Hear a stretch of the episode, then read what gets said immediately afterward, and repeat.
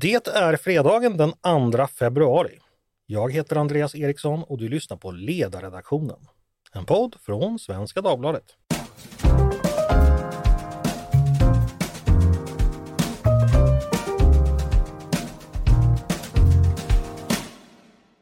Varmt välkomna till oss. Välkomna till ännu en fredagspodd med Ledarredaktionen. En fredagspodd som vi som vanligt ska fylla med tankar och tyckande om veckan som gått och med små bloss av insikt över det som har varit och hänt. Och vilken vecka det har varit! Sametinget har dömt redaktionen för hatbrott. Tove har varit med i tv. Jag har haft vilda strider här i podden om allt från bistånd till penningpolitik. Och Mattias har överlevt ännu en vecka på Stockholms slippriga gator utan varken vinterdäck på cykeln eller hjälm på huvudet. Macron var i Lund och klarade sig med nöd och näppe från Pytt och Bea. Den ryska korvetten Ivanovic klarade sig inte alls från ukrainska drönare. Centerpartiet klarade ännu en vecka utan att någon förstår vad partiet egentligen vill. Och landets bolånetorskar. Ja, vi klarade oss från ännu en räntehöjning. Men vad hjälper det? Vi ska snart prata om allt detta och mycket mer. Men innan dess ska jag bara helt kort passa på att be om ursäkt. Det är ju så populärt nu för tiden med ånger och bikt, med flagellanter och späkande och tagelskjortor och avlat och allt annat trams. Socialdemokraterna ber om ursäkt för sin invandringspolitik och Moderaterna de ångrar sin invandringspolitik och Socialdemokraterna de ber om ursäkt för att de inte var emot Moderaternas invandringspolitik. Och Moderaterna de ångrar att de inte var emot Socialdemokraterna när de kritiserade Moderaterna. Nej, jag orkar inte. Ni fattar grejen. Men vad är det då jag ska be om ursäkt för?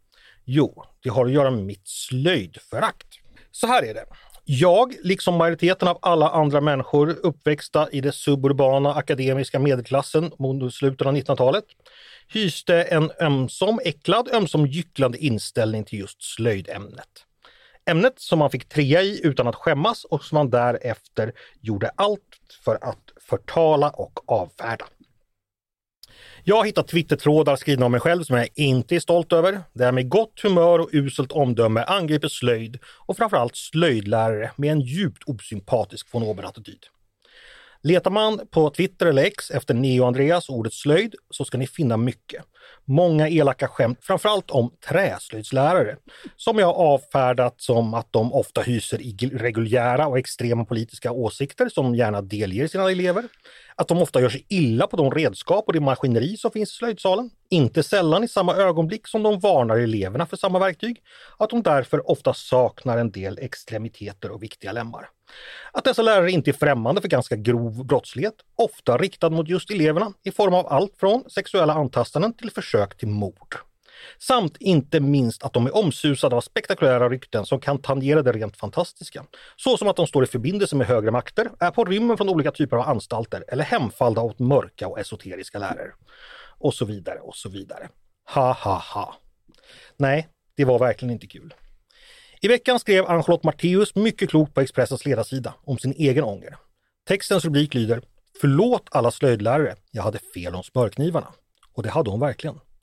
Bakgrunden var att hon 2016 ifrågasatte slöjd som obligatoriskt ämne och därefter blev hon, ja inte bara hon, hela ledarredaktionen bombarderade med slöjdat material, bland annat smörknivar.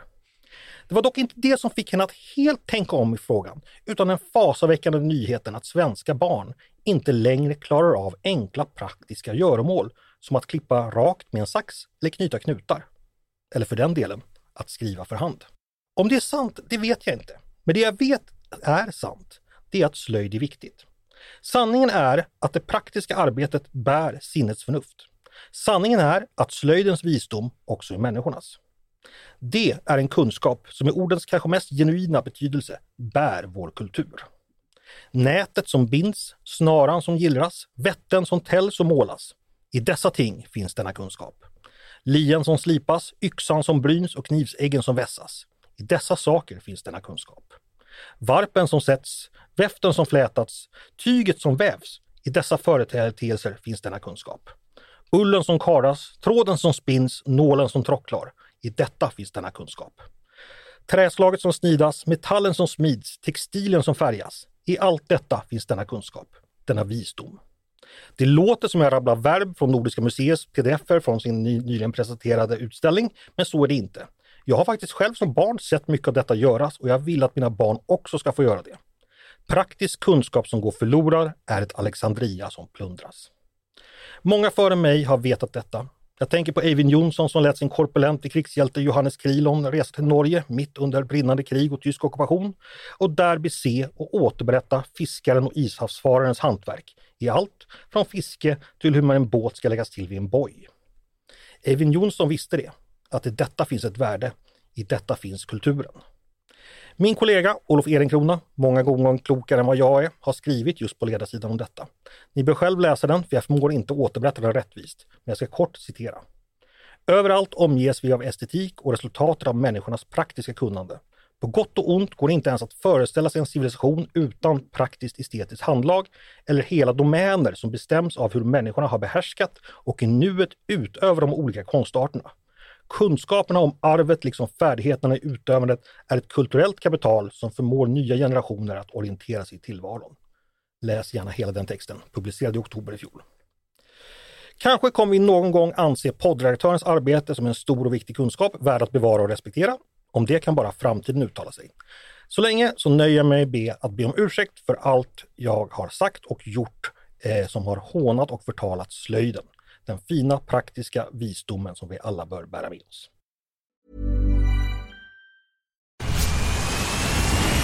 Where's that dust coming from? Still finding debris after vacuuming? Eufy X10 Pro Omni Robot Vacuum has 8,000 PA of powerful suction to remove debris deep in carpets. And it's totally hands free. Want to know more? Go to eufy.com. That's EUFY.com and discover X10 Pro Omni, the best in class all in one robot vacuum for only $799.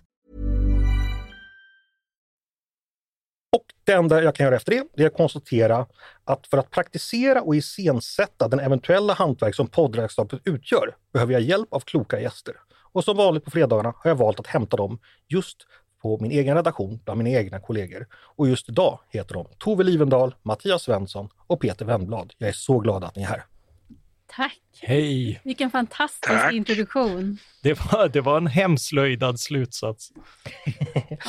Mattias, jag vet ju att det bor en liten slöjdfiende i dig också, men vi ska Oh nog ja. omvända dig. Eh, nej, men, nej men så här, alltså eh, tolerans och pluralism, allt det du säger är sant, eh, men eh, utom att det skulle man något att be om ursäkt för att eh, att vara kritisk till obligatorier. För precis som det finns annat som går några förbi men är oerhört värdefullt för andra människor, Eh, så är slöjden en sån sak. Jag hade gärna velat ha tillbaka alla de timmar jag lidit igenom i fullkomlig meningslöshet i, i de här eh, obligatoriska sysselsättningarna. Jag har sett dem, jag har vuxit upp med dem, jag hatar dem. Hela min politiska gärning har gått ut på att tolerera eh, att andra ska ha dessa möjligheter. Vi tolererar din åsikt Mattias, men vi tycker samtidigt synd om dig. Intressant Tove. ja, jag, är ju, jag, jag har ju aldrig slutat slöjda. Jag, upp, för mig öppnades dörrar i de där salarna som jag aldrig har stängt sedan dess. Peter, eh, välkommen hit. Mm. Du vilade förra Tack. veckan. Mm. Är du tillbaka sta- starkare än någonsin? Ja, det vet jag fan. Okej. Jag ska, göra- jag ska göra mitt bästa. Du, hur känner du inför att vi har gått in i februari? Ja, det är ju kalenderårets blindtarm. Alltså, Så att eh, den får, får gärna avlägsnas så fort som möjligt. dess ap- appendix som Paulina skulle ha sagt om, om hon var här. Okej, eh, Tove, vi ska ju snart prata mycket om det, men du har ju varit med i tv i veckan. Hur var det? Bara kort. Jo, men det var spännande och roligt. Det var en kul erfarenhet. Var det som vanligt när en liberal kommer in i tv-huset? De spärrade in dig i en jättebur, ryckte hjärtat ur bröstet på dig, firade ner dig i en vulkan, allt medan personalen hyllade dödsgudinnan Kali. Ja, det är självklart. The black sleep of Kali is still upon you, I believe. Eh, har du fått några reaktioner förresten? Jag har fått många positiva reaktioner. Jag vet inte om eh, de som tyckte något annat har valt att hålla tyst. Men De har väl gjort en Gunnar Axén och slängt ut tvn kanske? Ja, precis. Du Mattias, eh, dig har de inte slagit i public service bojor än, hoppas jag. Eh, nej, eh, men vet vad du ska be om ursäkt för nästa vecka? Det vet Det, jag anar att det är mycket. Eh, påståendet att eh, jag inte har vinterdäck på cykeln. Detta är, till skillnad från obligatorisk slöjd för obildbara människor, en eminent innovation som jag rekommenderar, inte tvingar alla att eh, använda, därför att man är jättestadig på vinterdäck på cykeln. Det var väl bra att vi fick det sagt och då passar jag på att be om ursäkt för detta förtal. Eh, hörni, ska vi, ska vi dra igång? Ta oss an vecka fem, vad tycker ni? Det tycker jag. Absolut. Ja, Massor att prata om, massor att tycka om. Eh, var ska vi börja? Jag tänkte så här, imorgon går vi in i den stora melloskuggan. Tiden då kontakt med främmande civilisationer kan etableras utan några större notiser i svensk press. För att Marcus och Martinez eller Samir och Viktor eller någon annan snubblat över en förstärkare på en deltävling i Gräs, Grästorp eller liknande och därmed svalt allt medieutrymme. Vi ska försöka ändå fånga upp det här. Eh, för den som vinner Melodifestivalen dyker så småningom upp i Eurovision som i år ska gå av stapeln i Malmö efter Lorins Loreens seger förra året. Föranlett detta har över tusen svenska artister skrivit på ett upprop som publicerades i Aftonbladet i veckan där man kräver att EBU och även SVT slänger ut Israel från tävlingen. Eh, så här skriver man. Att tillåta Israels medverkan underminerar inte bara tävlingens andemening utan hela public service-uppdraget. Det skickar dessutom signalen att regeringen kan begå krigsbrott utan konsekvenser. Därför vädjar vi till EBU. Uteslut Israel från Eurovision Song Contest 2024. Säger då alltså tusen artister unisont. Peter, du har skrivit om detta i veckan och är inte imponerad. Kravet är ett groteskt hån, skriver du. Varför det? eh, ja, jag får väl citera Gene Simmons i Kiss Det tycker jag. som en gång har sagt I think celebrities should, should basically shut their pie, pie holes and do what they do best. Act, sing, tap dance, juggle balls and do all that kind of stuff. Okej, eh, vilket betyder på, på, på svenska? Nej, men eh, så här, eh, det, jag, jag slutar aldrig fascineras över den här typen av kändisupprop. Alltså vi ledarskribenter får ju i alla fall liksom hyggligt betalt för att, för att framträda som politiska idioter i offentligheten. Men att, att somliga gör det alldeles frivilligt. Men jag tycker dessutom att det här kravet på att, på att eh, sparka ut Israel från Eurovision är, är eh, jävligt osmakligt för att eh, formulera det kort. Varför Alltså det, det? finns liksom en, en svart, alltså om vi kan, vi kan börja med det, liksom, det formella. Eurovision är en, täv, en musiktävling mellan alltså, tv-bolag, inte stater. Liksom, israeliska artister eller för den delen svenska, precis som våra svenska artister i Mello inte företräder Kristersson-regeringen så företräder inte israeliska schlagerartister sin, eh, sin regering.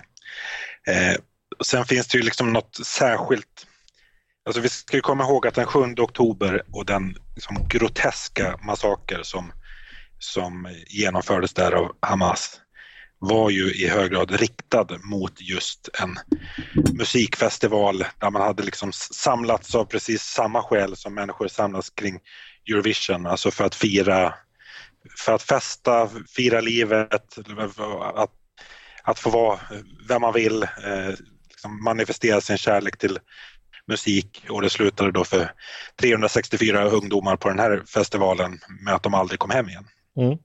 Ja, men det vet vi, men, men att- argumentationen från de här uh, tusen det är ju då att eh, Eurovision har ju tidigare uteslutit länder av vad man då uppfattar som politiska skäl, nämligen Ryssland och Belarus. Och tycker då, vad tänker du om det argumentet? Ja, att alltså, så här, till skillnad från public service i Israel som är en demokrati så rysk statstelevision är inte ett oberoende medium. Så att det är liksom en, det är en väsentlig skillnad mellan tv-bolagen i, i, eh, i Ryssland och de statliga tv-bolagen i Ryssland och Belarus. Eh, och du säger att det, det är osmakligt med tanke på, på terrordådet. Eh, någonting mer du tänker där du ser argumentationsfel från, från dessa tusen? Ja, men alltså, det här är ju inget nytt krav. Alltså redan när, när Eurovision har arrangerats tidigare i Sverige så har det ju varit krav på att, på att Israel inte ska få vara med. Eh, så att det här är liksom bara, nu repeterar man de argumenten i ett, eh, i ett nytt sammanhang. Eh, och det, så jag såg inga liksom, artistupprop när, när Ryssland dödade tiotusentals människor i, i Tjetjenien eller när efter invasionen av Georgien 2008 eller efter annekteringen av Krim 2014 så att det finns ju en dubbelstans. Jag förstår, alltså jag förstår att man är, är ja, allt ifrån liksom bestört till förbannad över krigföringen i Gaza men, men det, det blir groteskt att bortse från vad det är som, som utlöste det. Vi hade en vapenvila fram till den 7 oktober. Alltså att Israel, israeliska soldater överhuvudtaget befinner sig i Gaza just nu, det är för att Hamas utförde ett massmord på oskyldiga israeler. Mattias, håller du med Peter? Eh, ja. Vill du tillföra någonting till hans argumentation? Jag tycker han är rätt klar. Eh, Peter, du skriver ju också en sak, eh, du ägnar ett stycke åt det, att, eh, ska citera dig. Den intellektuella förolämpningen blir knappast mindre av att upproret bland annat undertecknas av rapartisten Yassin. Han har polisen pekat ut som medlem i det kriminella nätverket Shottaz och som häromåret dömdes till fängelse för att ha förberett en kidnappning, dock inte till Gaza. Hur problematiskt är det att eh, upproret har den typen av personer bakom sig? Är det besvärande, än mer besvärande för de som undertecknar? Eller besvärande vet jag inte om det är rätt. Alltså jag känner själv om jag var kulturpersonlighet eller blev tillfrågad om, om eh, att underteckna ett upprop även i en liksom, för mig viktig fråga eller en, liksom, för en god sak. Alltså jag, jag känner inte för alltså att kroka arm med en, med en grovt kriminell och liksom dessutom som har begått brott som ligger så nära det som som utlöste eh, som utlöste kriget, det vill säga han, han blev ju, har ju nyligen kommit ut från ett långt fängelsestraff för att förberedelse till människorov. Det, ja, det blir väldigt osmakligt. Mm. Vad tror du, det är över tusen personer här, hur många av dem, det blir ju att spekulera förstås, men ska man tro att alla är övertygade i frågan eller har tänkt över det här noggrant? Nej, det har jag väldigt svårt att... En, en har ju redan klivit av, eh, såg jag. Sebastian Staxet som ångrade sig. Eh, hade jag haft... Han brukar liksom, göra det. Hade jag varit en hade jag varit nöjesreporter någonstans så hade jag nog eh, ringt runt och ställt lite följdfrågor. Jag tror att vi hade kunnat få spännande svar på dem. Hörni, eh, ja, då tänker jag vidare på, på Eurovision då som ska gå i, i Malmö och då tänker jag så här, hur kommer det där gå egentligen ifall nuvarande politiska strömningar ja, då finns kvar eller om man drar ut en linje till och med? Eh, jag är lite oroad. Är du det Peter? Jag är väldigt orolig. Alltså det var ju oroligt redan. Så det var ju Eurovision i Malmö 2013. Mm. Eh, och som jag sa redan då var det eh, protester mot att Israel skulle få medverka. Eh, det var en stor säkerhetsapparat kring israeliska, den israeliska delegationen som vittnade om hur de hade som blivit de hade fått resa i, i Malmö under täckmantel att de var från Cypern. Mm. Eh, och delar av teamet när de skulle ta sig från arena, Malmö Arena till hotellet blev överöst av liksom, antisemitiska eh, förolämpningar av, av taxichauffören. Eh, så att jag tycker att det känns, det, nu, nu, visste naturligtvis inte eh, vad säger SVT eh, att, att den 7 oktober skulle inträffa när man liksom valde Malmö som arrangörsort. Men jag tycker att jag har inte hört eller sett att, alltså redan innan fanns det ju anledning att liksom reflektera över, så här, är Malmö rätt plats mm. för det här arrangemanget med tanke på vad så att, säga, att Malmö är känt för sin utbredda antisemitism och vad så att säga, judar har varit avrådda från att överhuvudtaget resa eh, till Malmö. Men jag har inte sett eller hört att liksom SVT överhuvudtaget reflekterat över det. Det gjorde man inte förra gången heller. Då lyftes ju istället det fram att Malmö var perfekt för det här arrangemanget. Det, här, det multikulturella Malmö var liksom perfekt för det här arrangemanget. Eh, och det var det möjligen förut för alla utom israelerna. Mm. Ska jag passa på också när du nämner Malmös mörka historia att det finns ju en politisk historia här. Det socialdemokratiska styret i staden har ju tidigare förklarat att man inte accepterar sionism, alltså idén om staten Israels existens. utan att man ser det som en ytterlighet som citat sätter sig över andra grupper och anser att de är mindre värda. Man har också likställt då sionism med antisemitism. Eh, det här togs sen tillbaka av den som då förde Socialdemokraternas talan, kommunalrådet eh, Ilmar Reepalu. Men samma Reepalu sa lite senare att den judiska församlingen i Malmö var infiltrerad av Sverigedemokraterna för att driva muslimhat.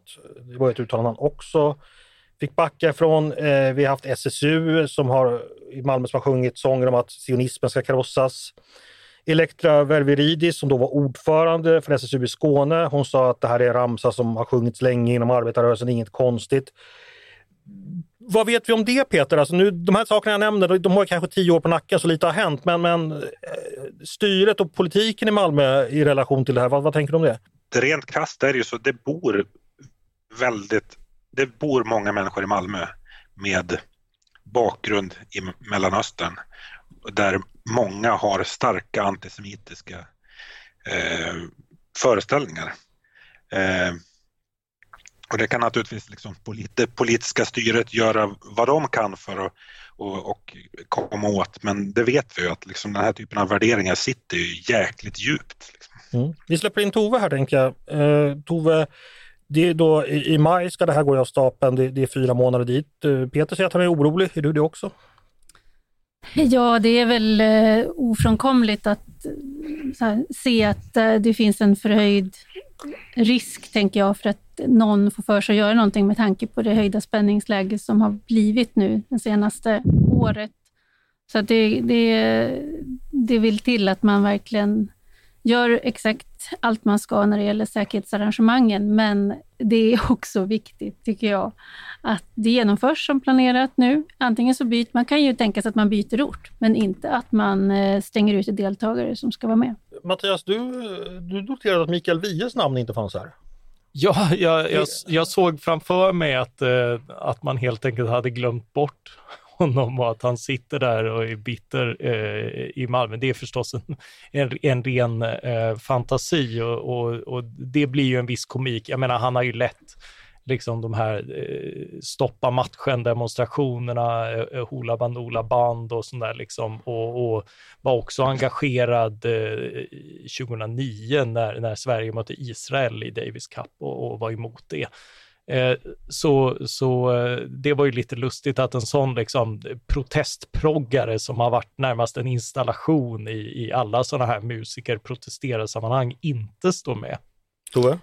Jag, apropå det här kändisuppropet, jag har ju funderat lite grann på det och jag, vi hade ju ett, ett annat upprop som skedde i oktober ett annat kändisupprop eh, och jag rekommenderar läsning då av David Lagerkrans som skrev om det här efteråt för att han hade själv någon erfarenhet av att ha blivit tillfrågad och vara med på en sån där undertecknande sak och där han skrev väldigt moget och insiktsfullt tyckte jag om, han hade nämligen fått frågan då om att teckna ett, ett upprop om att Navalny, Alexander Navalny skulle få kompetent vård.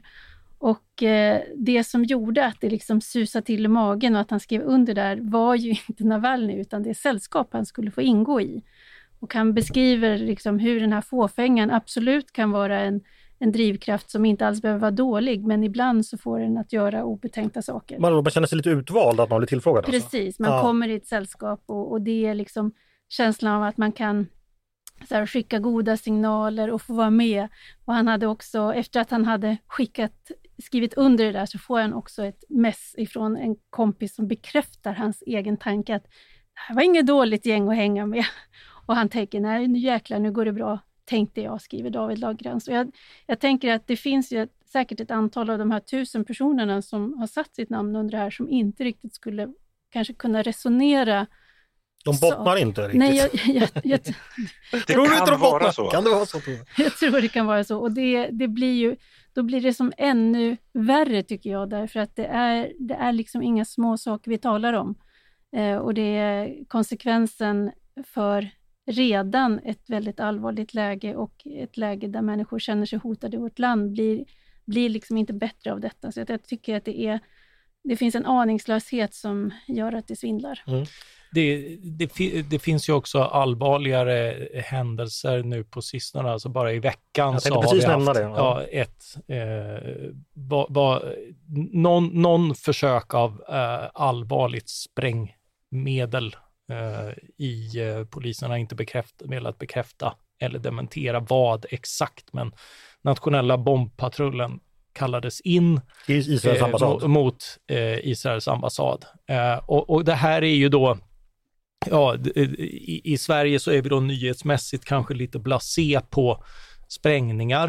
Eh, det förekommer ju tyvärr så pass ofta att vi avtrubbats och tänker att, en, eh, att, att sprängningar eh, en sprängning som inte blev är kanske inte värt mer än en notis, men, men det vi då Vi hade måste- sju andra riktiga sprängningar samma natt. Ungefär. Ja, eh, vi, vi ska då notera att eh, det här är eh, inte då, de, de sprängningarna brukar vara någon form av eh, indrivning eller, eller på annat sätt att man vill skrämmas i den undre världen och, och det, kan det, ju, det här kan inte vara fråga om det. Eh, utan, och, och vi har också en historia eh, som jag skriver om att, att just vi har många terrordåd som har börjat som ja, nästan Åsa-Nisse-terrorism. Eh, det första attentatet mot Lars Vilks till exempel var två bröder i Landskrona som, som misslyckades med att tända eld på Vilks hus, stod där med bensinbomber och lyckades tända eld på sina egna jackor som de krängde av sig och sprang brandskadade därifrån. Och i jackornas fickor låg körkort och annat som identifierade dem. Så, så det var en lätt polisutredning.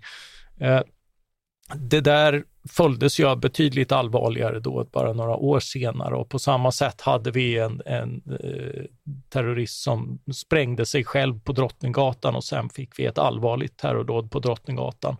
Så, så det här, eh, vi vet förstås in, inte vad det är, men, men vi vet att det inte kan vara en, en uppgörelse i den undre världen. Det kan dock vara aktörer från den undre världen, därför att det har vi sett förut. Just den här eh, mer slipade terroristen som försökte döda Lars Vilk som kom med ett, eh, ett, ett gevär. Eh, Han eh, hade bakgrund i den undre världen av, av våldsdomar och liknande och hade radikaliserats i fängelse. Så det finns överlappningar mellan de här miljöerna och då, då blir det ju enormt hotfullt. Och, och där finns ju också så, eh, arsenaler också. Ja, Så- precis. Ja. Ja, och även jag tror eh, om man tittar tillbaka på den europeiska terror vänsterterrorismen på, på 70-talet började då kanske i studentrörelser och så blev det slagsmål och så var det någon som påtade upp en brevbomb och så blev det värre och värre. Så att man ska, det är väldigt viktigt påpekande där Mattias, att vi ska ta det här på största allvar, det som då skedde, som vi inte vet så mycket om, men det drabbade alltså en utländsk besiktning i Stockholm och det är ju allvarligt nog. Hörni, vi ska gå vidare. I, I veckan har vi också fått höra nyheten att EUs 27 medlemsländer enades om fortsatt stöd till Ukraina. Eh, Det handlar då om 50 miljarder euro eh, i lån och bistånd under fyra år, det vill säga fram till och med 2027. Tove, tänkte fråga om dig, hur, hur stort och viktigt tycker du det är? Det är otroligt viktigt och det är ju, ja, vi har pratat om det många gånger förut, men det är ju, det är ju så att det handlar ju inte bara för omvärlden om att ge Ukraina stöd så att de så att säga, kan hålla emot den här invasionen, utan de måste ju få stöd så att de kan vinna kriget. Annars kommer vi alla att sitta i en otroligt dålig situation med enorma kostnader på, i olika dimensioner framför oss. Så det, det är ju den slutsatsen EU gör, vilket är en riktig. Och nu äntligen kunde man då enas om det här. Det har ju suttit långt inne, kan man säga. Ja, och här har det ju funnits då, det har ju varit välkänt att Ungern har ju varit något som har haft speciella krav och velat bromsa. Hur kommer det sig att man Budapest gav med sig nu, vet vi det? Ja, det här, det här kommer bli mytomspunnet, tänker jag. Någon gång kommer man göra en musikal om hur tysken, italienskan och fransmannen och, och kommissionsordföranden gick in i ett rum. och sen vet man inte vad som hände där. Men det, det fördes ju ett eget möte eh, och eh, det var väl efter det mötet, jag vet inte om man, man skulle ha velat vara en fluga på väggen där. Men det är klart att det har ju också läckt ut att det har funnits planer. Jag vet inte hur verifierat det är och det är väl kanske ingen som kommer att bekräfta det. Men att det har funnits planer på att eh, liksom, trycka till Ungern ordentligt ekonomiskt om man inte har varit beredd att gå med på det här stödpaketet. Och den sortens läckor kanske också har gjort sitt till för att eh, få Orban på andra tankar. Mm. Nu ska det sägas att som jag har förstått det, mycket av det här stödet är ju att då eh, stärka hemmafronten i Ukraina, att eh, det civilsamhället, att skolor och, och förskolor och sjukhus och, och sånt fungerar. Och det är ju det, det är väldigt väsentligt att det också fungerar. Inte minst för soldaterna vid fronten, att de vet att det finns ett samhälle där bakom. Som... Absolut. Det läggs ut hela tiden i, i sociala medier. Det är liksom naturligtvis en del av den ukrainska försvarsviljan och sätt att stärka den, där man får se soldater som är hemma på permission och får träffa sina anhöriga och säger det är det här vi strider för. Mm. Eh, så det, det är som, som du säger, det är helt avgörande att civilsamhället inte bara lägger sig ner utan står upp och går och fungerar.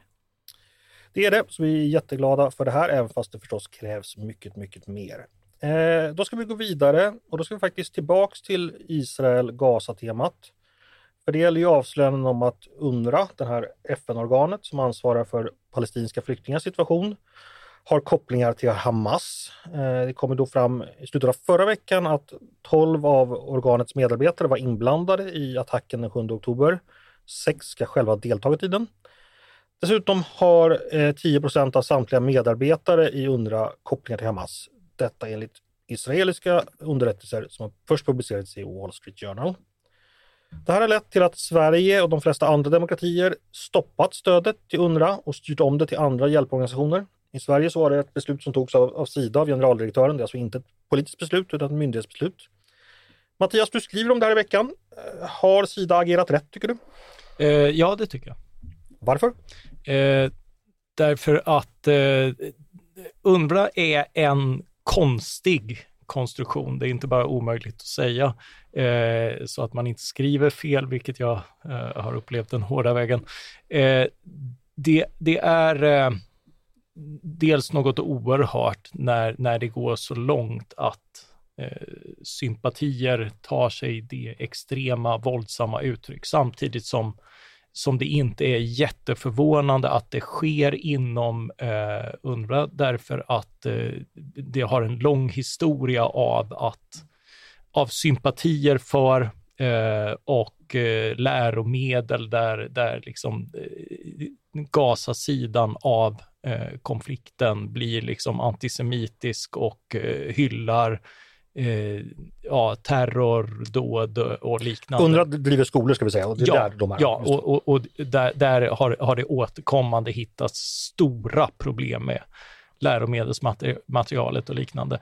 Så, eh, så det är dags eh, av det skälet och även för den här, eh, som, som du gjorde ju en podd i, i frågan eh, där man fick en inblick i det här är ju en särlösning för, eh, som, som förevigar ett palestinskt flyktingskap som försvårar och nästan omöjliggör en, en fredlig samexistens mellan Israel och Palestina, vilket är den enda lösningen på, på sikt.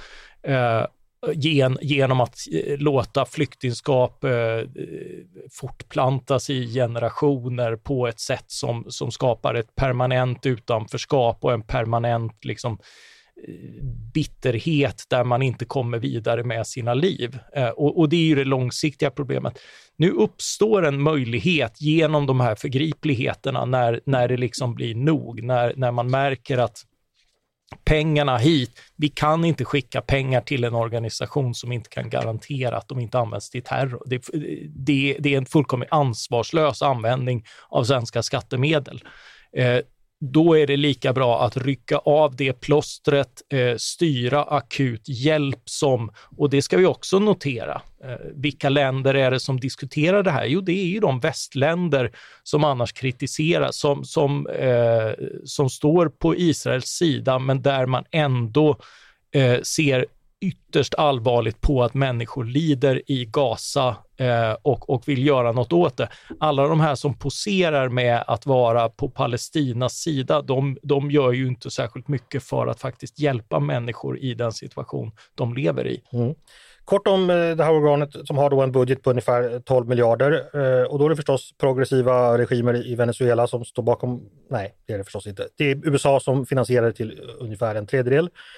Eh, Sverige lägger ungefär 600 miljoner varje år och står för ungefär 5% av finansieringen. Eh, och eh, Sverige har ju då sällskap med länder som Storbritannien, USA, Frankrike, Tyskland, Island, Finland.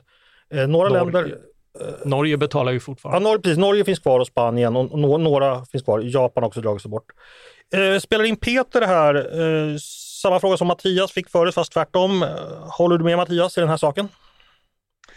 Ja, eh, Eh, jag, jag gör nog det, men med stor förståelse för de som eh, tycker annorlunda. Det är ju en svår avvägning det här. Alltså att, att UNRWA är en, liksom, en sjuk organisation på många sätt, det har vi vetat länge. Eh, men det var som du sa i podden, eh, Andreas, att det, det är kanske så att liksom, man måste låta fan dela ut pengarna om det eh, är så att det behövs.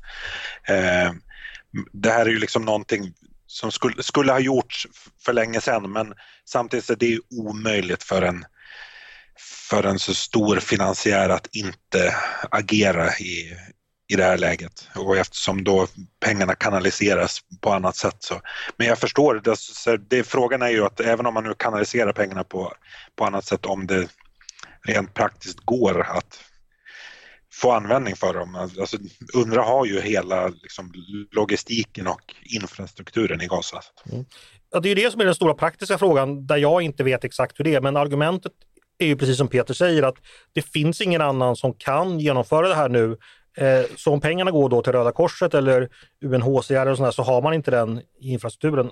Och om det är sant eller inte, eller hur sant det är, det ligger väl såklart viss sanning i det, det vet jag inte.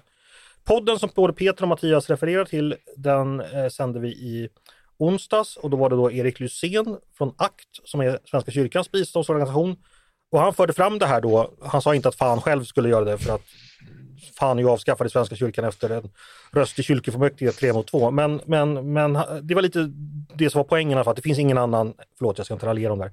Det finns ingen annan som kan göra det, så det är en akut humanitär kris som bara kan lösas av att pengarna kommer på plats. Sen får man tänka på andra saker. Jag har också, precis som Peter, stor respekt för det. Jag har också respekt för den andra hållningen som då i podden representeras av Liberalernas Fredrik Malm som då pratar och lyfter det som Mattias lyfte här om att UNRWA är en problematisk organisation med en problem, minst sagt problematisk bakgrund. Tove, vad, vad landar du i det här? Nej, men jag, jag tycker att både Peter och Mattias resonerar rimligt, och, men jag landar också i att det är rätt att, att pausa nu och se vad man kan göra. Det finns alltid en sån där fundering vad som, när man liksom vill slå, slå mot, mot, mot styrande och mot ideologier och mot, mot saker som inte är bra, så kommer, så kommer de som är i behov av det mest också att drabbas. Mm. Men eh, lösningen kan ju inte heller vara att säga att nej, men, eh, vi ska obekymrat se på när småbarn indoktrineras med, med extremistiska läror och eh, förvrängda världsbilder. Det är ju inte heller liksom ett bistånd som kommer att göra nytta på sikt. Nej, men nu man måste ha klart för sig att nu försvinner väl i trakten av 75 procent kanske av finansieringen till UNRWA. Mitt under brinnande krig, mitt under humanitär katastrof. Och då måste andra kliva fram helt enkelt. Det fin- då, då får man försöka hitta andra aktörer som har erfarenhet av biståndsarbete på marken i, under svåra förhållanden och se om de kan mobilisera. Okej, det verkar vara som vi, vi alla har landat åt, åt det hållet i alla fall. Men jag måste erkänna att jag är ändå liksom lite förvånad över att det uppstod någon slags förvåning över att UNRWA-anställda hade eh, deltagit i, i, det här, i den här attacken. För det tog jag liksom någonstans för givet eftersom alltså UNRWA har så många anställda, är så liksom tätt knutet till Hamas, alltså det är ju någon slags stat i staten.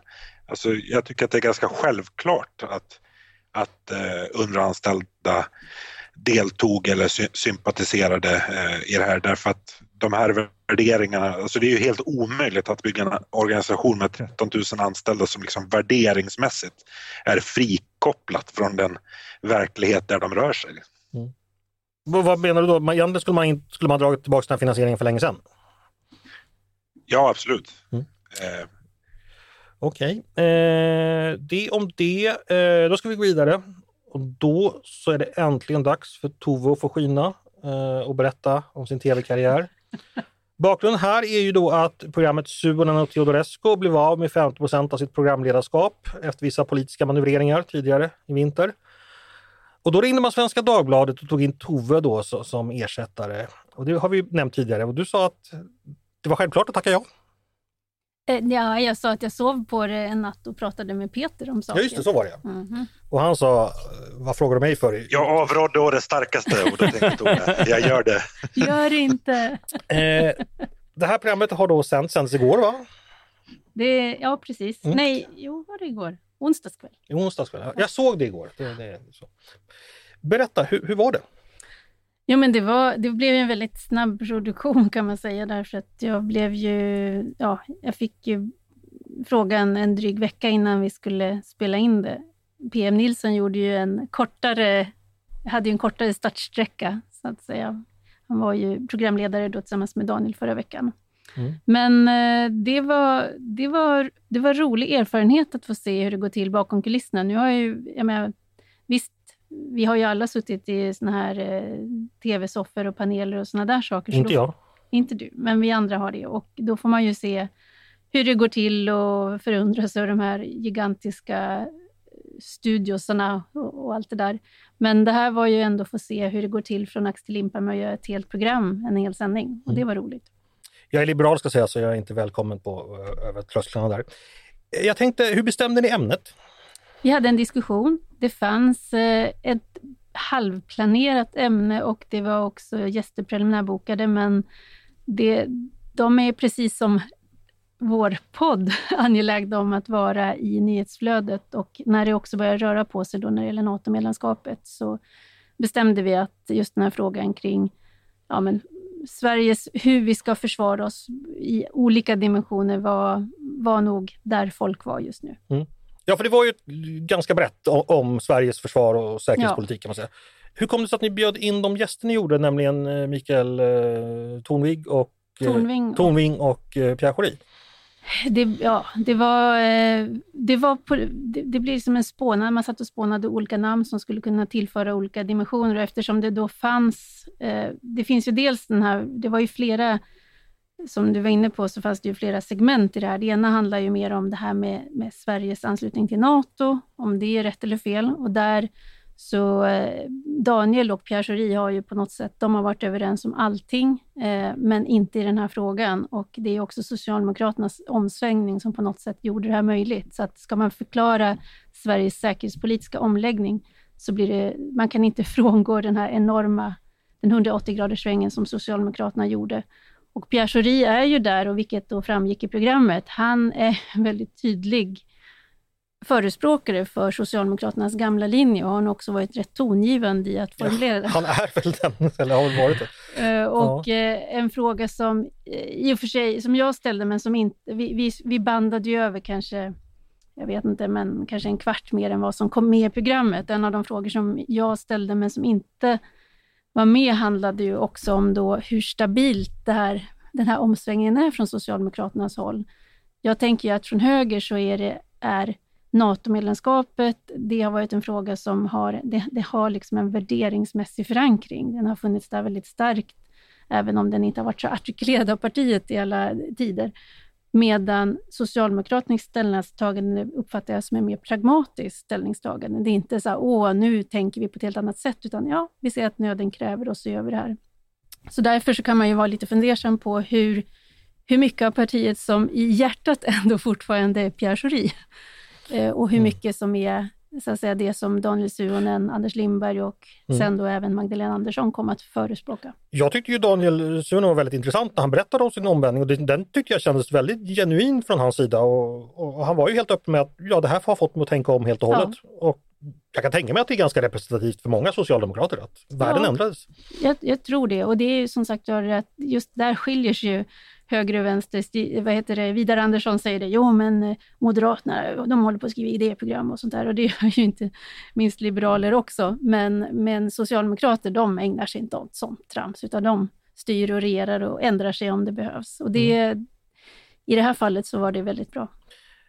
Jag upplevde att det var ganska hårt eh, klippt på några ställen. Alltså det, det var bara en kvart som var borta, så för det kändes ibland som ni förflyttade ganska snabbt. Ja, nej, men det är ungefär en kvarts överbandad tid tror jag. Jag tycker att, och eftersom jag då har del av, he- som på något sätt kommer ihåg hela inspelningen, så tycker jag att de gjorde ett jättebra jobb i klipprummet att få fram ändå en diskussion som, eh, alltså tydliggöra de olika ståndpunkter som luftades under, under den här inspelningen. Mikael Tornving tyckte jag gjorde en jättebra insats också. Verkligen. Han är ju, han är ju säga, grundgrundad i de här frågorna och eh, är så att säga... Ja, han har ett avstånd till politiken och en full närvaro i, i, i folkets verklighet på något sätt. Eller i den, den... Sen var det ju kul när han pikade Schori för Osloavtalet att NATO-landet Norge tog över hans livsverk. Eh, det gillade jag. Eh, Peter, har du sett programmet? Nej, jag har faktiskt inte hunnit göra det ännu men eh, ska försöka göra det under helgen. Du får ta dig några rejäla groggar ikväll innan du ger dig på det. Eh? Mattias, vad, har du sett det? Eh, nej, Nej, men, Två, två groggar och en skämskudde. ja, jag har ju ingen tv. det, det går ju att se tv i dator och te telefon numera, Mattias. Ja, det kan man. Eh, men alltså, har du fått, hur, hur var det med Spotify? Eh, tutade upptaget när du försökte teckna? Strunt samma. Jag tyckte, jag tyckte det var väldigt, väldigt intressant Tove, men jag förstår också Tv är ju en jättesvår publicistisk form alltså, och det, det blir ju så lite till slut tycker jag också. Man blir hopklippt och jag menar, eh, du var ju inte med, du sa ju inte så mycket saker. Alltså sammanfatt, du säger ju 20 gånger mer i en vanlig fredagspodd än vad du fick säga i det här programmet. Jo, men där har jag också, där hade jag, det är också det där med de dubbla rollerna, att vi skulle både vara programledare och på något sätt debattera. Sen var ju den största delen, det var bara några minuter i början, där vi var på egen, i tu man hand så att säga, och sen var ju våra gäster med. Och jag kände ju i och för sig att jag gärna hade suttit en hel timme och debatterat med Pierre Schori enkom. Nej, det hade inte jag velat höra. Men, men eh, sen är det ju så, det, och så är det ju inte på den här har vi liksom tid att prata till punkt och vi kan resonera med varandra. Men ja, tv är på ett annat sätt och jag ska erkänna att när jag gick och la mig den kvällen vi hade spelat in, då tror jag en timme i huvudet så gick jag igenom saker jag skulle ha sagt och som var mycket smartare och bättre och snärtigare.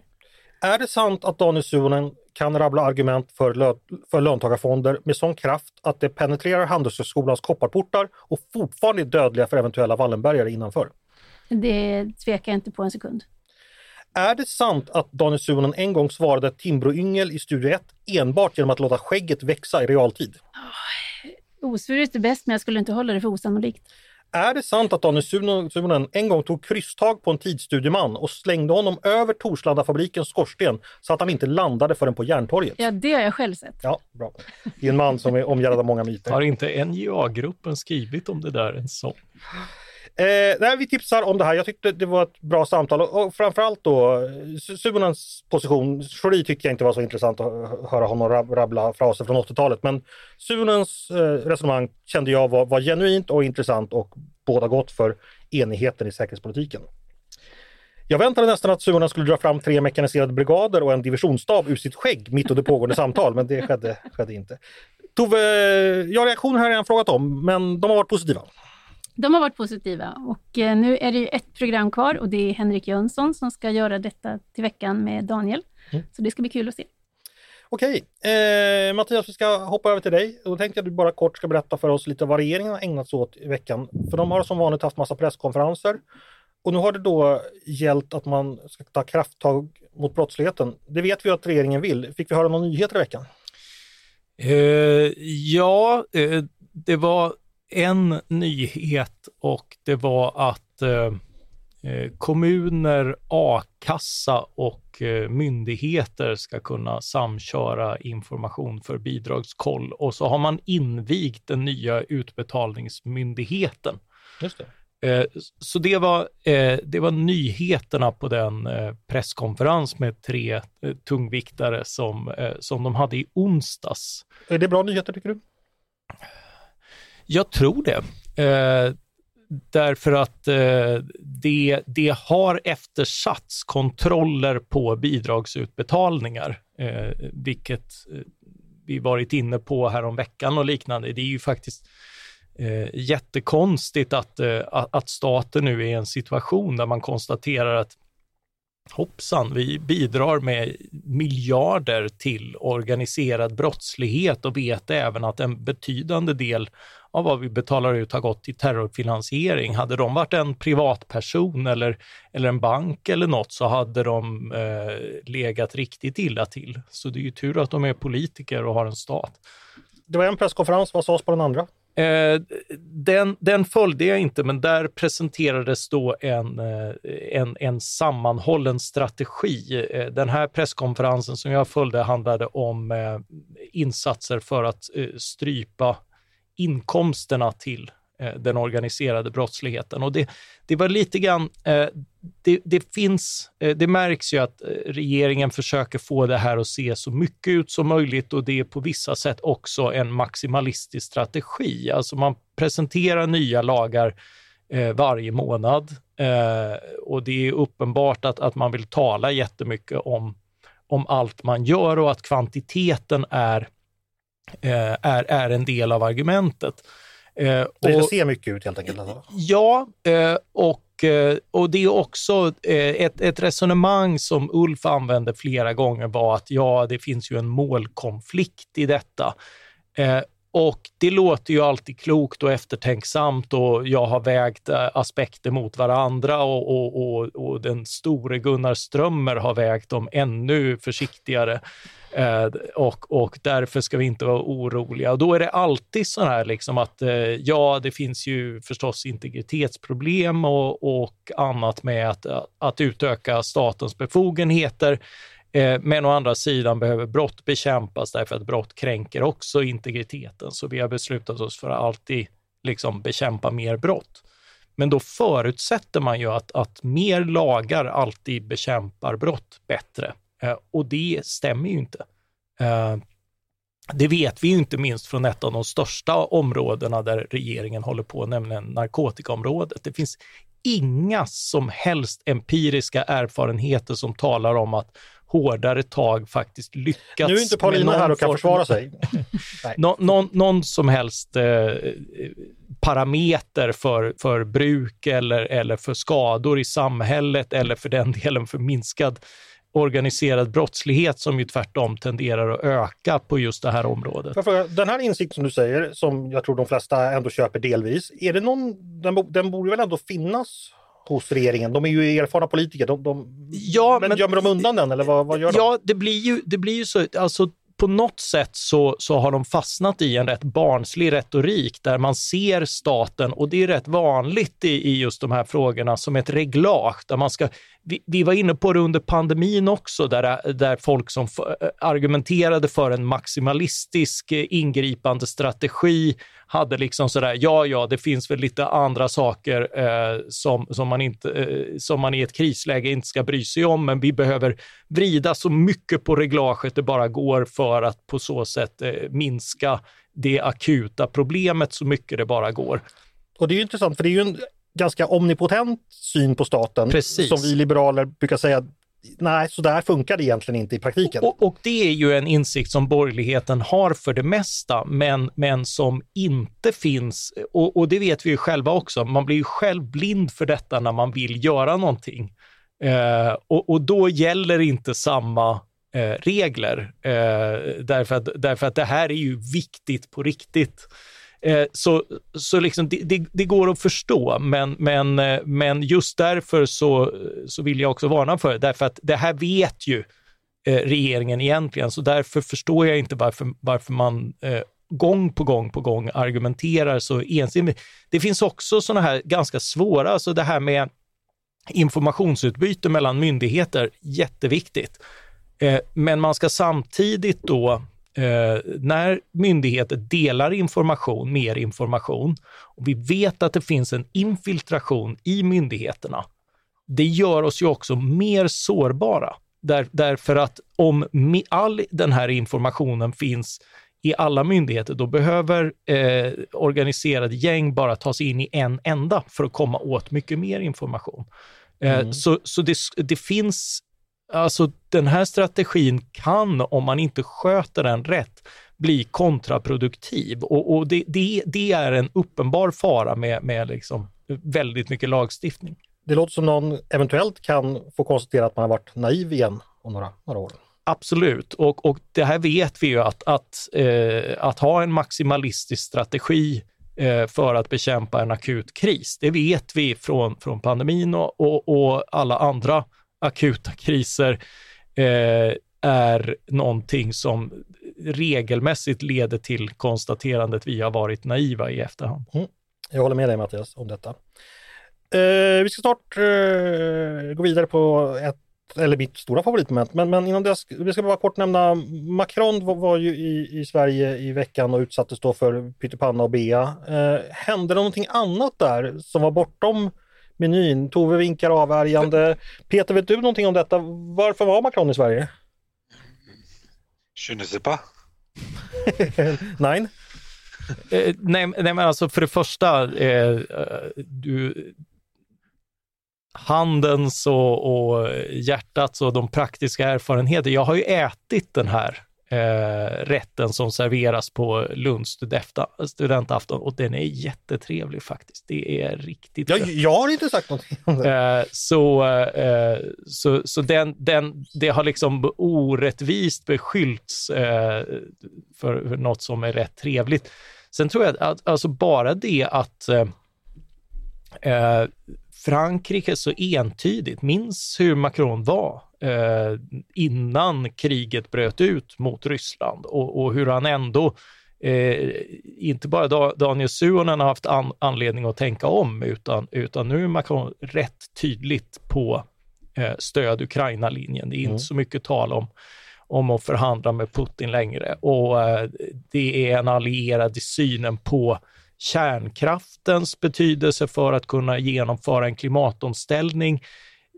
Det är en rätt fantastisk enighet historiskt sett i de viktigaste frågorna som ändå manifesteras och får sina konkreta eh, utgångspunkter och sådär. Så, så, så läget mellan nationerna Frankrike och Sverige är bättre än på mycket länge. Det ska man säga och vi kan ju också prata, om vi nämner huvudstäderna Berlin, Paris, London exempelvis, tre stormakter som historiskt inte kommit överens, enade med Stockholm och många andra också.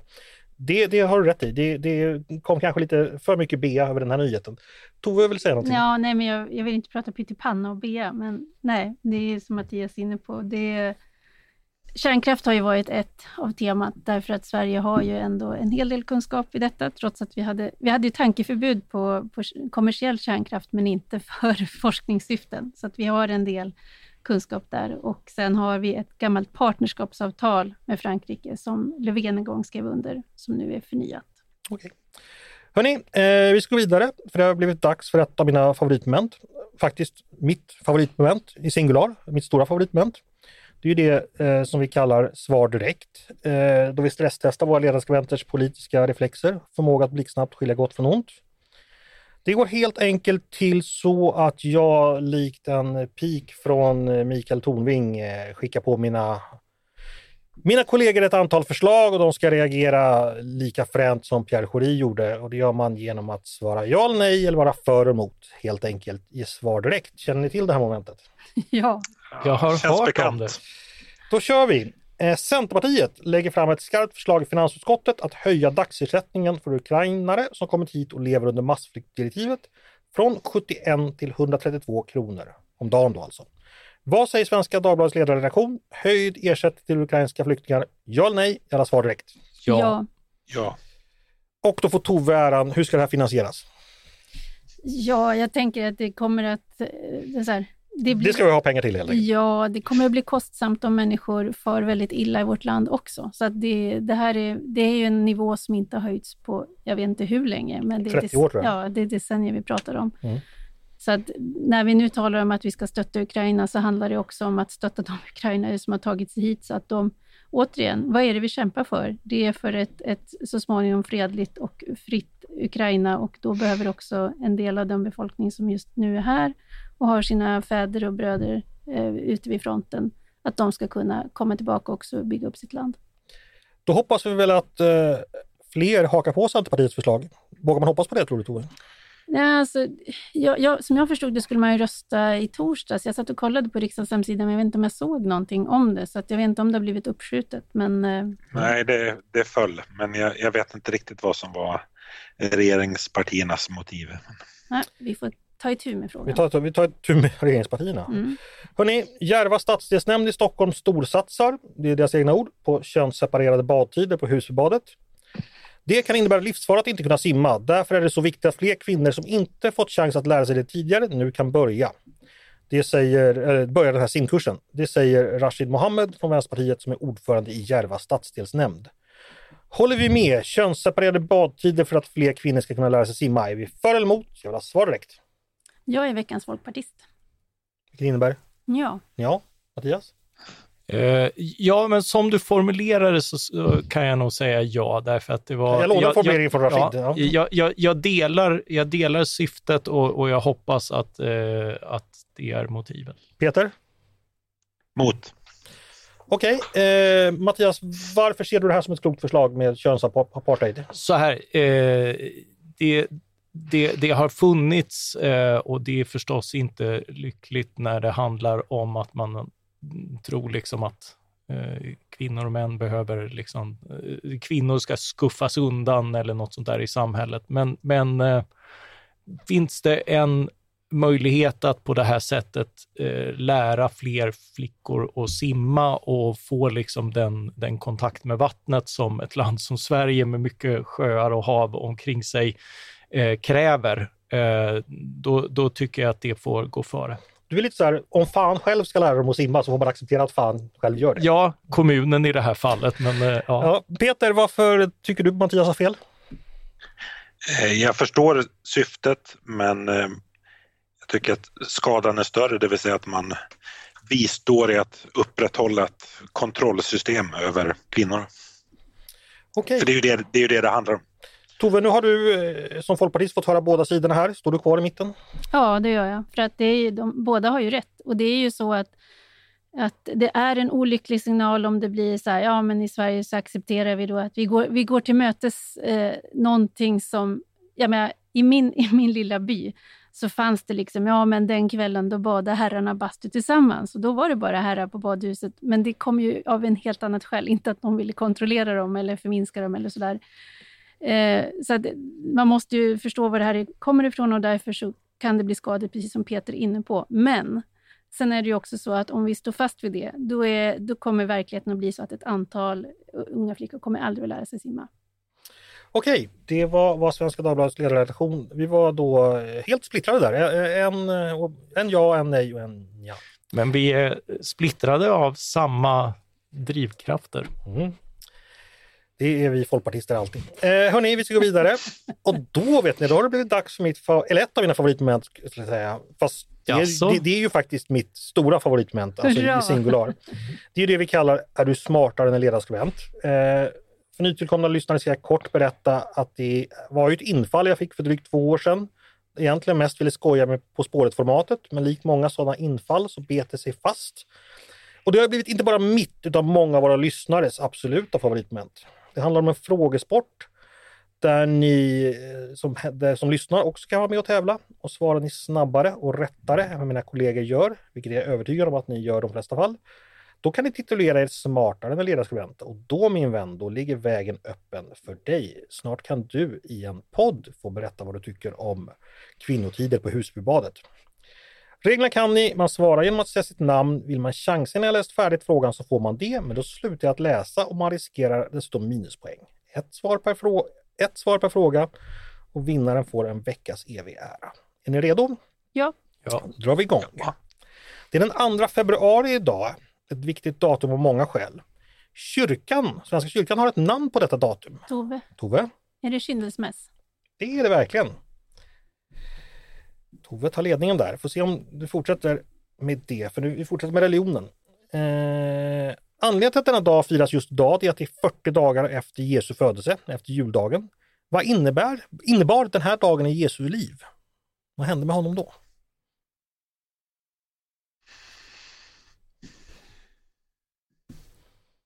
Mattias, du har gått i söndagsskola. Ja, Förekom detta eh, jag kan ju chansa vilt. Ja, Det var Eh, väldigt länge ja. Så jag chansar på att han blev omskuren. Nej, det blir man redan efter åtta dagar, Uff. enligt judisk tradition vid den här Ja. tiden. Nej, Peter, du har ingen aning? Nej, tyvärr inte. Eh, det var ju då att Jesus eh, bars fram i templet som det hette, vilket var man skulle göra då efter 40 dagar efter födseln. Eh, och Josef och Maria då gjorde. Man besökte templet då. Eh, och det här har också att göra med att eh, det har också med Maria rening att göra, eller eh, Marias kyrkogång eller sånt där. Att det skulle vara åtta dagar eh, så skulle man omskäras och sen, skulle då kvinnan för att då åter renat så att säga skulle gå en menstruationscykel då, vilket då sattes till drygt 30 dagar. Då hamnade hon på 40 dagar. Så att Maria kyrkogångsdag heter det här ibland också. Hörrni, eh, 2 februari är också en viktig dag i Pennsylvania. Där spelar ett murmeldjur en viktig roll. Vad heter dagen? Mattias? Eh, Groundhog Day. Precis. Namn på dagen och en film från 1993 där Mm. Bill Ja. Murray upplever den om och om igen. Hörrni, den 2 februari 1934 föddes tv-legendaren Bosse Larsson. Vad hette det folkmusikprogram? Tove. Nygammalt. Det gör det verkligen. Peter, har, har du somnat av Visbys vinterånger eller? Nej, jag associerade fel. Jag började tänka på han gamla sportkommentatorn. Ja, jag med. Ja. Hörni, vi nämnde ju Macrons besök i Sverige. Eh, det får mig att tänka på franska ledare. Eftersom jag redan frågat om Mitterrands favoriträtt och sista måltid återstår inget annat än att fråga om samma Mitterrands relation med en svensk journalist på SVT. En relation som gav upphov till en son född 1988. Den var älskarinna, eller en älskare. Ja, men det var inte svaret.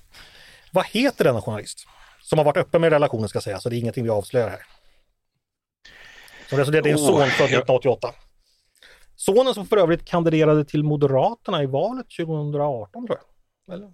Oh la la. Som också varit öppen med detta ska jag säga, så det är ingenting vi avslöjar. Jo, nu vet jag. Nu vet jag, nu Peter? vet jag. Ja, Peter. Mm. Eh, Chris Forsne. ja, så hette hon va? Just det. Mhm. Som jobbade på Svensk Damtidning. Ja, det också, men också på Sveriges Television. Ja, men för jag, jag redigerade ju en text av henne i Neo en gång i tiden där hon skrev om franska presidenters, jag, att de förväntades ha älskarinnor. Och eh, där jag satte rubriken Det rycker i baguetten. Så var det. Eh, och det här är ju en väldigt gammal referens som går tillbaka till Expedition Robinson, va? var det inte det? Precis, den- Jochen. Jochen, Den precis. populariserades då. Den populariseras här. Eh, vi fortsätter. Eh, Macrons företrädare som president, vad hette han? Peter. Peter? Hollande var det va? Ja, François Hollande. Precis. Då är du uppe på två poäng du också, tillsammans med Tove. En fråga till om franska ledare, nämligen Karl den store. Hans sonsöner delade upp hans rike genom ett bedömt fördrag år 843. Fördraget har namn efter platsen där det slöts, ett namn som senare fick en annan och betydligt blodigare betydelse i europeisk historia. Vilken är platsen? Fördraget 843 i och det var då eh, Karl den skallige, Lothar den tyske och eh, var det Pippin den lille? Ja, jag har ingen fusklapp framför men det här är väldigt känt. Blodig plats senare.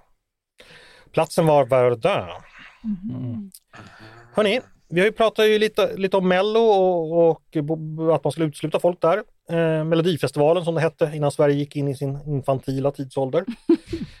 Det är ett arrangemang som bjuder på många minnesvärda ögonblick. Nu kommer jag spela upp ett ljudklipp för er och jag vill att ni var och en, nu ska alla svara då, den exakta tidpunkten för detta ögonblick som är ett oerhört viktigt ögonblick i, i svensk historia. Eh, nu ska ni få lyssna. Du behöver inte svara om du inte vill. Men jag såg innan du gick in på scenen så stod du och läste i en bok. Vad var det för bok?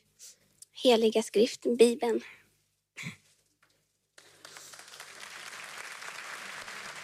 Jag önskar att du blir en stor idol för hela världens ungdom.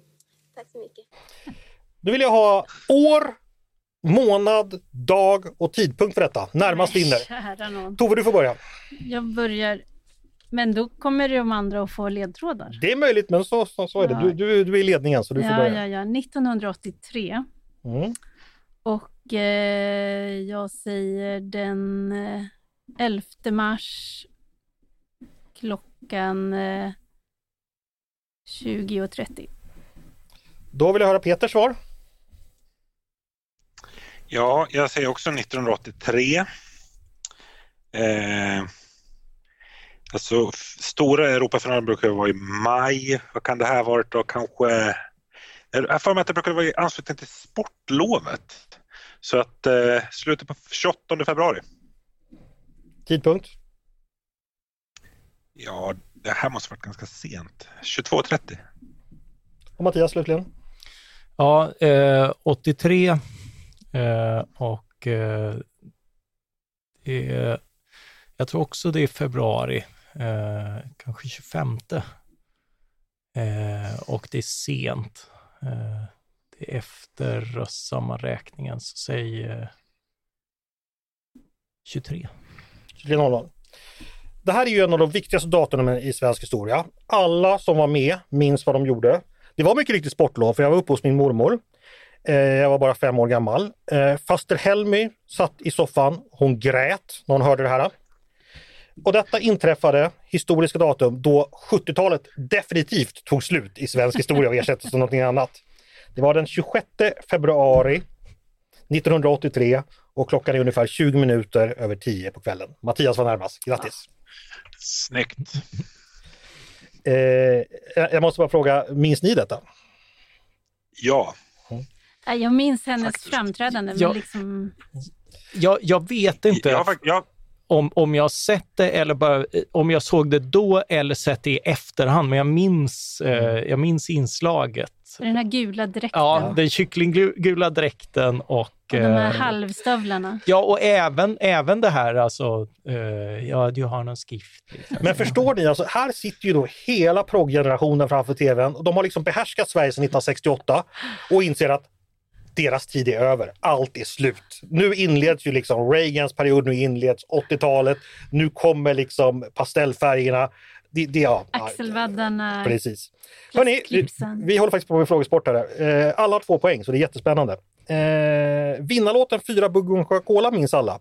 Den skrevs av Mikael Wendt, sedermera lokalpolitiker i Skövde och gruppledare för sitt parti. Vilket parti- partiet? Peter. Peter? Eh, jag tror han var kristdemokrat. Det var han inte. Nej. Nej! Lokalpolitiker och också ordförande för partiet lokalt. Mikael Wendt. Är han bekant? Ingen som vill chansa? Ja, jag kan chansa. Mm. Eh, sossarna. Nej, fel. Ja, men då får jag ju chans också. Var han eh, centerpartist? Nej, han var folkpartist. Nej. Förstås. 1980 var Kenta Gustafsson med i Mello och framförde bidraget Utan att fråga. Han hamnade på sjätte plats, men det är hans t-shirt som vi bäst kommer ihåg. Vad föreställer den t-shirten? Det här borde jag kunna. Ja, det borde, borde, borde Mattias kunna också. Ja. Då är det något... Det är synd att inte Paulina Ja, är Peter. Hon- Ja, Peter? Jag, jag tar en gissning. Hade, hade han en spola kröken? Nej, eh, han hade en t-shirt som föreställde en sexställning eh, som då är känd som Oh. 69 Förstås. och det stod under Try it, you'll like it. eh, då står det fortfarande två till alla. Eh, vi har pratat Daniel Suonen. Vad heter hans bok från 2014 som handlar om Håkan Juholts tid? Mattias. Först. Partiledaren som klev... Oh, vad heter den? Ja, det är du som ska Ja, svara på som det. klev in i kylan. Nej, klev ut i kylan. Ja. Bestäm dig. Eh, ut. Nej, fel. Fan. Någon annan som vill chansa? ja, det är Ja, Peter. Tove var först. Partiledaren så... Nej, men jag, sa, jag ju det förut efter Ma- Mattias. Ja, Okej, okej, okej, det är rätt. Eh. Peter. Sä- Säg då. Eh, och det är väl partiledaren som klev in i kylan. Så var det, precis. Daniel Suhonen han var tidigare redaktör för SSUs numera nedlagda idétidskrift. Tove. Tove, Tvärdrag. så heter den. Nedlagd sedan 2016. En sista Suhonen-fråga. Vad heter den delen av Stockholm där han är uppväxt? Och då vill jag ha det ganska bestämt. Jag vill ha rätt tunnelbana, tunnelbana helt enkelt. Det pratar ni inte om under inspelningen. Jo, alltså det är möjligt att vi gjorde det, men det var inte någonting som jag la på minnet. Det är lite känd, jag tror han har pratat om det här i olika Ja. sammanhang, vad sin bakgrund där. Nej, ingen som kan. Jag, jag får med det är- västerort någonstans, men... Nej, det är inte alls det väster. Ingen vill Röda svara. linjen. Är det. Vill ni chansa något? Det kostar inget.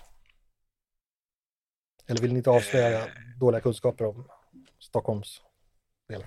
Nej, rätt svar är Västertorp. Mm. Då är det så att eh, Peter och Tove är lika på tre poäng, så då blir det en utslagsfråga mellan er. Eh, Oj! Och den får då Peter, Ta något om slöjd. den får, får då Peter eftersom du, du eh, har vunnit flest gånger får du svara först på den här då. Hur många procent av amerikanska befolkningen har besökt fem eller fler andra länder? Hur många procent av amerikanerna har besökt fem, Fem eller fler fler? andra Oj. länder? Jag kan nämna att i Sverige så är det 88 procent av svenskarna som gjort det. Peter, vad säger du? Ja, gud vad svårt. Fem eller fler andra länder. Alltså jag tror att vi pratar 2 procent. 2 procent säger du. Vad säger du Tove? Eh, nej, men jag tror att det är mycket mer. Jag skulle säga... Men säg 40 procent. Tur att du inte drog iväg ännu mer, men du var ändå närmast i 26 procent. Okej. Så, det- så Tove är då veckans vinnare. Grattis! Tackar. Peter, hur kändes det? Underskatt, ja, jag underskattar amerikanerna. Ja. Jaha, det här var som jag brukar säga allt jag hade att bjuda på idag, men det var väl inte så klent ändå? Det är fantastiskt. Jag går härifrån med en seger. Ja, Jag, jag tycker det var märkligt att 2 februari inte tog upp eh, ett födelsedagsbarn som är väldigt känt. och vem tänker du på då? Eh, Ayn Rand förstås. Det var illa, men det hade ju kanske blivit Det hade varit en åt- fördel. Eh, ja. Precis, precis. Jag satt och väntade när just eh, det ena efter det andra på det här datumet kom. Men eh, ja, Ja, men då fick du det, det sagt i alla fall. Eh, då hade det kunnat gå väldigt annorlunda. Hörni, vi fick mycket. Vi fick Pytt och Bea, vi fick Ayn Rand, vi fick Slöjdande, vi, vi fick Mello. Det var en liten fredagskompott vi, vi känner oss nöjda med va? Det är som en eh, Absolut. välputsad smörkniv, Andreas. Det är det. Eh, då återstår inte annat än att säga tack Tove Livendal för att du var med mig idag. Tack snälla Andreas. Tack Peter Wemblad Tack så mycket. och tack Mattias Svensson. ett nöje som alltid. Och förstås ett stort tack till er som har lyssnat på dagens avsnitt av Ledarredaktionen. En podd från Svenska Dagbladet. Ni är som vanligt varmt välkomna att höra av er till redaktionen med tankar och synpunkter på det vi precis har diskuterat. Men också om ni har idéer och förslag på det vi ska ta upp i framtiden. Båda fallen så är det bara att mejla till ledarsidan snabla svd.se. Dagens producent, han heter Jesper Sandström. Själv heter jag Andreas Eriksson och jag önskar er en trevlig helg och hoppas att vi hörs snart igen.